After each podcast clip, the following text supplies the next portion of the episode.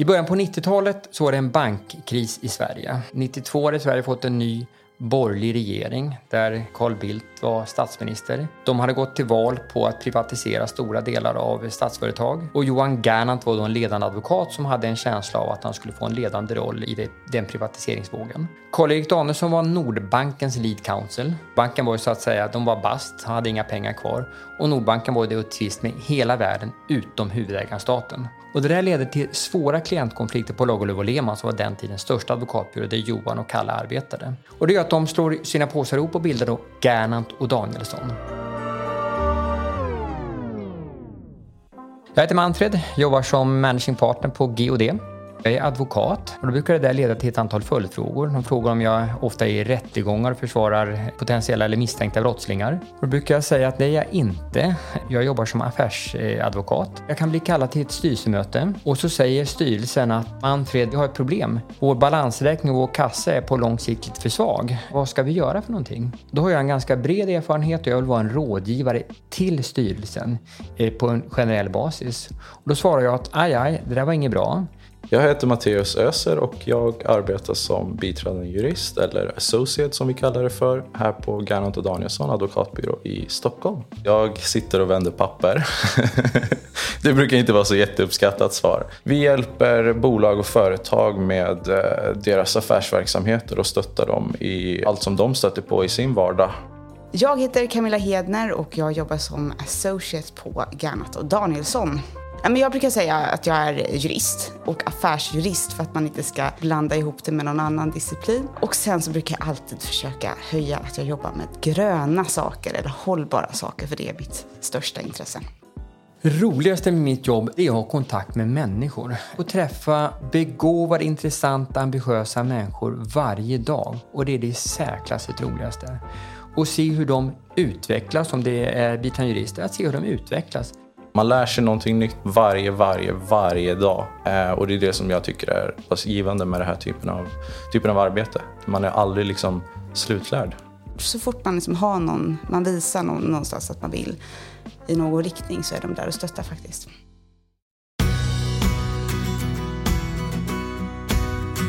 Innan examen och innan juristprogrammet så gjorde jag en hel del annat. Mångsystare som sagt.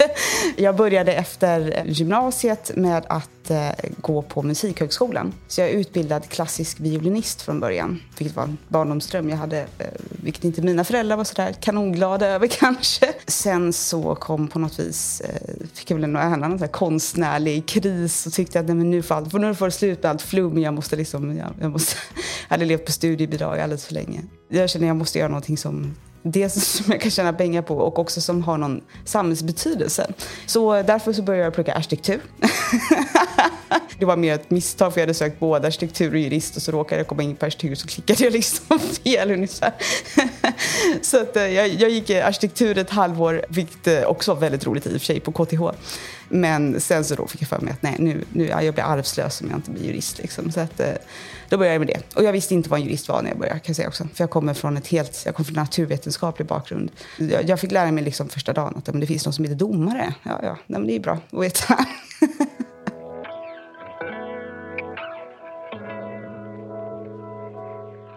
Jo, men när jag var i slutet av mina studier så var det väldigt vanligt att man skulle börja extra jobba eller man skulle komma ut och se vad byråvärlden var för någonting. Jag sökte hit till Garnet och Danielsson och eh, då var det nog också som sommarnotarie tror jag faktiskt.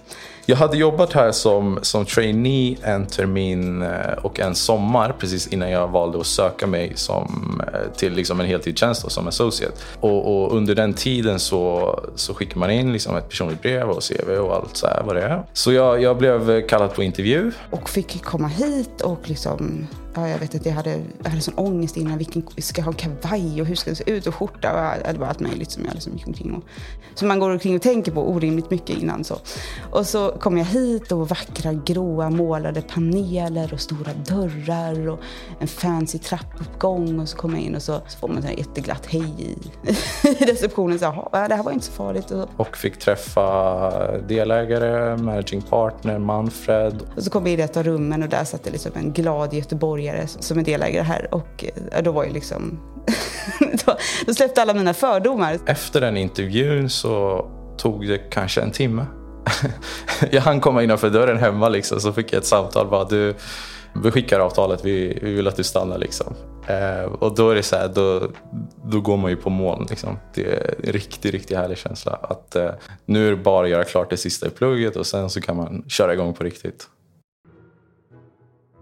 Anställningsprocesserna är ju ofta numera eh, väldigt formaliserade men jag tror att man överdriver det. Det är fortfarande personliga möten som är det relevanta. På det där temat kan jag berätta om en individ eh, som kontaktade mig och frågade om han inte kunde få skriva sin uppsats hos oss. Eh, och det här var många år sedan och jag sa självklart. Och det utlovade lite för mycket för det fanns ju inga platser på den tiden. Det var 20 år sedan det här. Men personen fick komma till mig och sätta sig vid mitt skrivbord och eh, börja skriva kort och gott. Så vi delade skrivbord. Han satt och skrev sin uppsats och jag jobbade med min juridik. Eh, men han uppfattade väl att jag inte kunde allting så han högg tag och hjälpte mig i mina ärenden. Och det här uppfattade jag även andra delägare på kontoret och började slänga på honom arbetsuppgifter. Och han var så att säga som en biträdande jurist på kontoret. Och sen var han klar med sin uppsats eh, och sen efter någon månad så kontaktade jag då som ett, två, treåring på GOD. Jag kontaktade ledningen och sa att måste vi ändå inte börja betala den här personen pengar? Va? sa de. Har han inte lön? Nej, så han har inte lön utan han, har ju liksom, han börjar som uppsatsstudent här. Så det är klart att han måste ha lön. Han börjar få sin lön omedelbart och, och, idag, 25 år senare, så är han delägare sedan 15 år någonting sånt där på advokatbyrån. Så det var, det var hans väg in till GOD.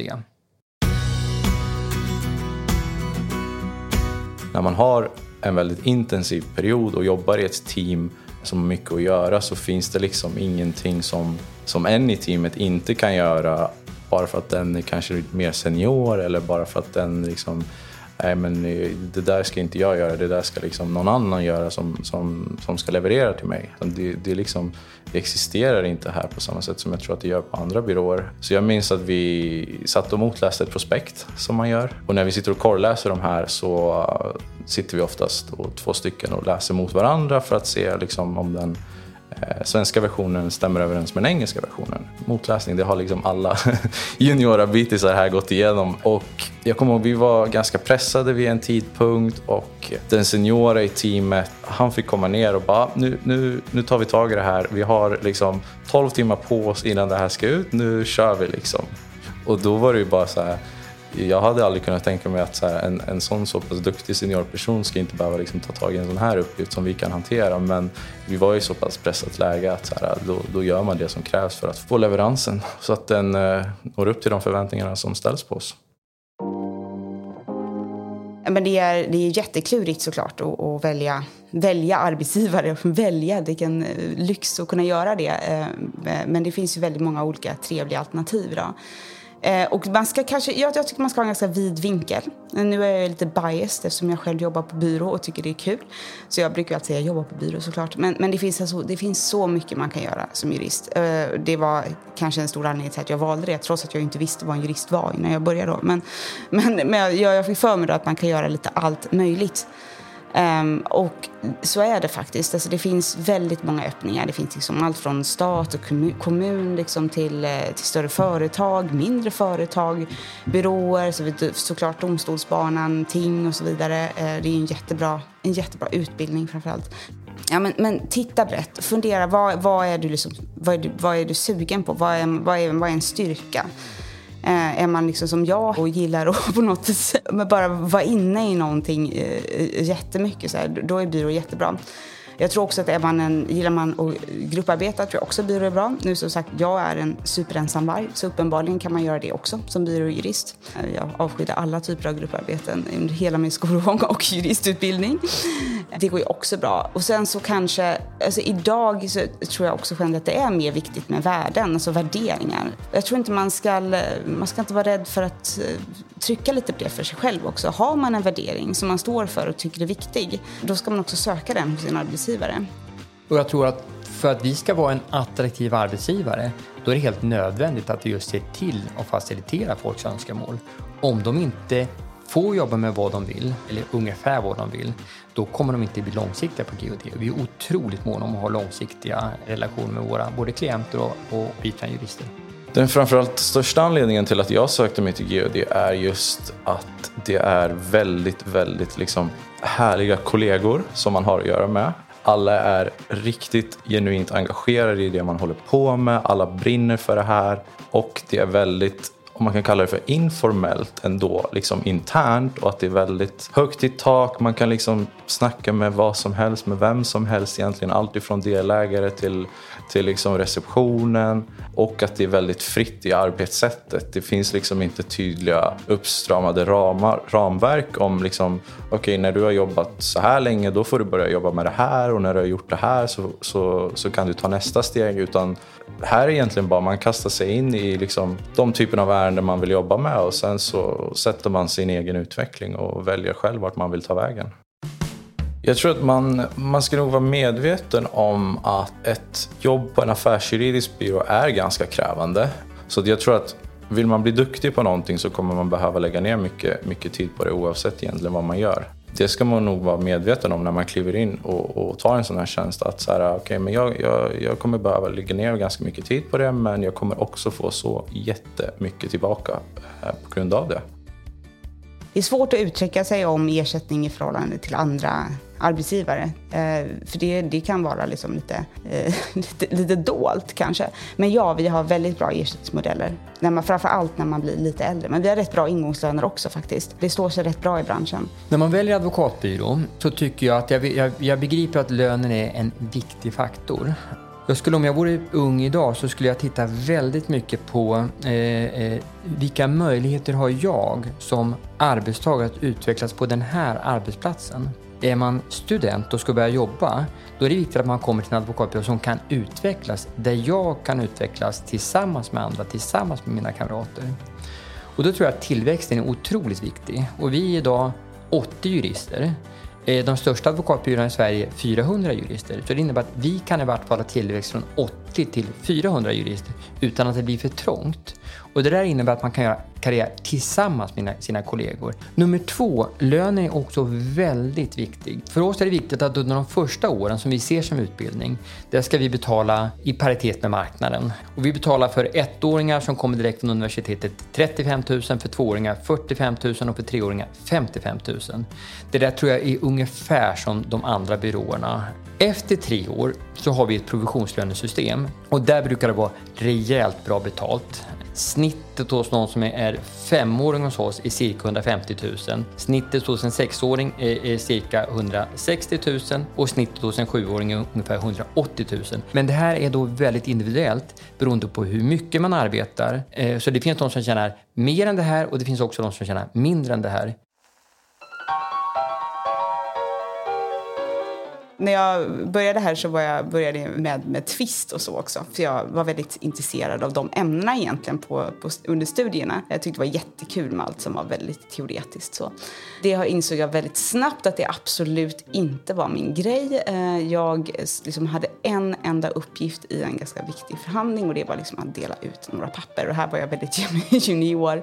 Och ehm, jag vet jag satt väl där och där med de där papperna. Och självklart då så när jag ställde mig upp så tappade jag alla papper på golvet. Liksom. Och det låter inte så farligt, men det, alltså, i den situationen, det var så otroligt pinsamt. Och det är så otroligt pinsamt i efterhand. Alltså, jag hade en enda uppgift. Men den enda uppgiften, hur simpel den än var, liksom, den skulle jag såklart misslyckas med. Så det är liksom en, så här, mitt starkaste minne från den typen av arbetsuppgifter. Är jag säger, nej, men det där är nog inget arbetsområde för mig helt enkelt. Så det, min karriär där föll liksom på några tappade papper. Men, eh, men det har ju gått bra annars. Eh, jag har gjort annat. En annan situation som jag minns väl, det var när jag var, hade varit eh, på kontoret under det var 20, början på 2000 det var mängder med unga IT-entreprenörer eh, som vi hade som klienter. Jag var ju då på den tiden relativt ung. Jag hade de här personerna som mina klienter. Och de rörde sig då i, i, inne i lokalerna och då kommer en äldre delägare med en enorm bunt papper. Eh, och jag och min klient glider förbi och står vid kaffeautomaten.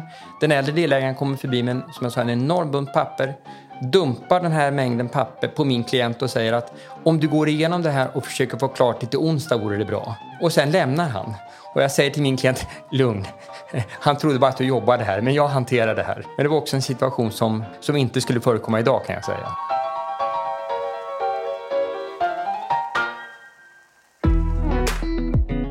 Man ska nog inte tro att man behöver veta allt om hur det är att arbeta på en affärsjuridisk byrå när man är student. För att så här, det insåg jag när jag började att allt jag visste var egentligen ingenting. för så, det är väldigt svårt.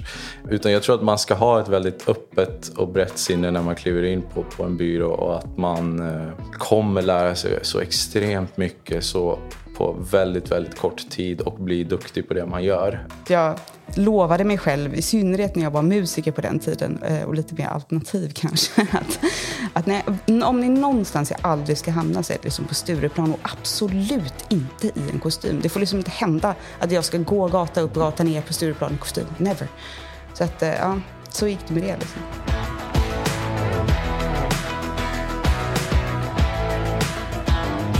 Du har lyssnat på Jobcast. Om du inte redan lyssnar i Jobcast app, ladda då ner den i App Store eller Google Play.